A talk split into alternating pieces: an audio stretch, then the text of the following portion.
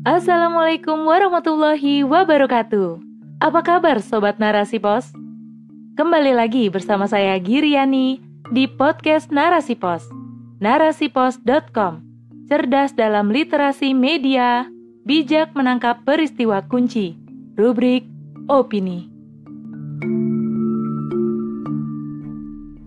Indo-Pasifik dan posisi terjepit Indonesia di tengah perebutan pengaruh oleh Dia Dwi Arista.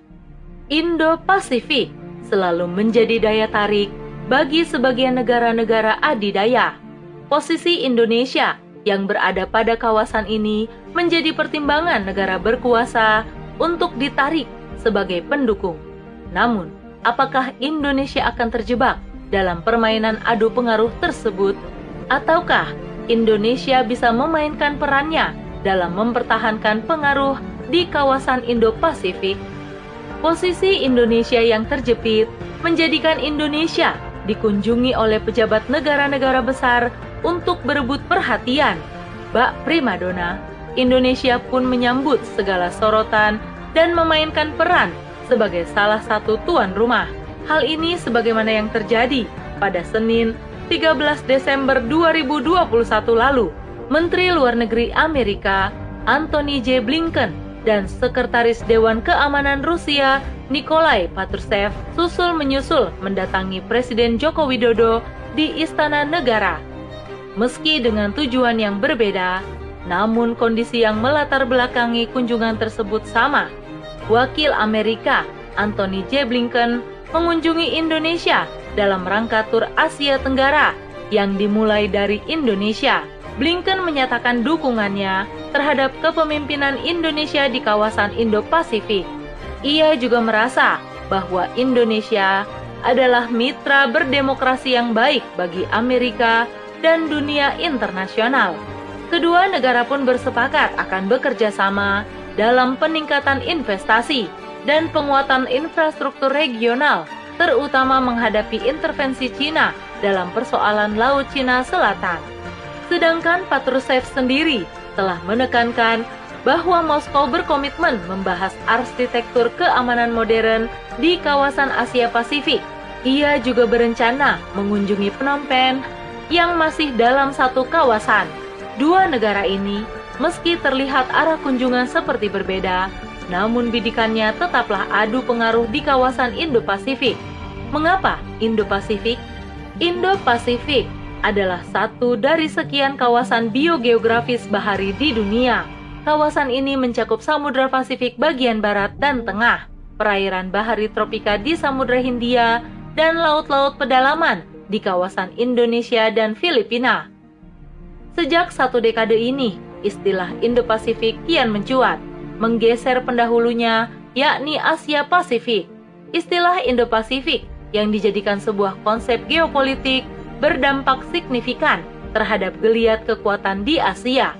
Namun, konsep Indo-Pasifik ini nyatanya masih bersifat dinamis. Definisi yang belum jelas menjadikannya rentan didefinisikan sesuai dengan keinginan aktor yang berkepentingan. Mantan Presiden Amerika Serikat, Donald Trump, dalam pidato November 2017 juga turut menggunakan istilah Indo-Pasifik sebagai arah kebijakan strategisnya. Adanya AUKUS dan The Quad yang dibentuk untuk penjagaan kawasan Indo-Pasifik dalam rangka meminimalisasi pengaruh Cina di kawasan tersebut. Sedangkan anggota ASEAN dengan ASEAN Outlook on the Indo-Pacific mendefinisikan kawasan Indo-Pasifik sebagai kawasan yang inklusif demi menjaga perdamaian. Inilah beberapa definisi Indo-Pasifik ketika diseret dalam konsep geopolitik. Posisi strategis Indo-Pasifik Kawasan Indo-Pasifik merupakan pusat pertumbuhan ekonomi dunia. Posisinya yang diapit oleh dua samudra, yakni Samudra Hindia dan Samudra Pasifik, membuatnya menjadi kawasan yang strategis, sebab ia menjadi mayoritas jalur lalu lintas laut perdagangan dunia. Negara-negara lingkar yang berada di kawasan dua samudra ini juga mewakili lebih dari 55% perekonomian global. Sedangkan dalam kategori kekayaan alam, dua samudera ini pun memiliki kekayaan alam yang melimpah. sehingga persaingan geopolitik semakin intensif antara major powers atau kekuatan-kekuatan besar untuk menancapkan pengaruhnya di Indo-Pasifik. Inilah potensi strategis yang dimiliki oleh kawasan Indo-Pasifik, hingga mata negara-negara kolonial serta merta terpaku pada kemolekan kawasan ini. Langkah strategis Indonesia di tengah persaingan major powers ini, berdiri Indonesia sebagai bagian dari negara yang berada di kawasan Indo-Pasifik. Indonesia pun telah membuat perencanaan dalam menghadapi isu Indo-Pasifik. Dalam sesi wawancara Indonesia, Forward CNN Indonesia, Dr. Siswo Pramono, Kepala Bidang Pengkajian dan Pengembangan Kebijakan atau BPPK Kementerian Luar Negeri, menjelaskan bahwa pertama, Indonesia mengambil strategi inklusif dengan merangkul semua pihak, berharap keamanan di kawasan bisa tercapai. Kedua, membangun persepsi kerjasama. Oleh karena itu, Indonesia telah bekerja sama tak hanya dalam bidang investasi, namun juga kerjasama dalam beberapa bidang, tak terkecuali militer. Kedua poin inilah definisi sekaligus menjadi langkah strategis Indonesia untuk Indo-Pasifik. Dengan langkah seperti ini, maka peluang Indonesia terjebak dalam pusaran ketergantungan akan semakin besar.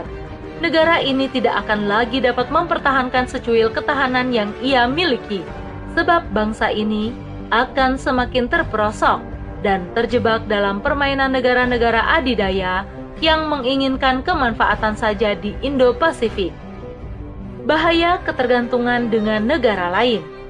Kebijakan pemerintah yang membuka akses kerjasama dalam semua bidang, juga investasi besar-besaran akan membawa dampak buruk bagi bangsa ini. Ketergantungan terhadap investasi dalam jangka panjang dapat membuat bangsa ini menjadi negara yang tidak mandiri. Semua pengerjaan infrastruktur dan industri akan berakhir pada asing hal ini dapat menggadaikan keamanan dan ketangguhan negara.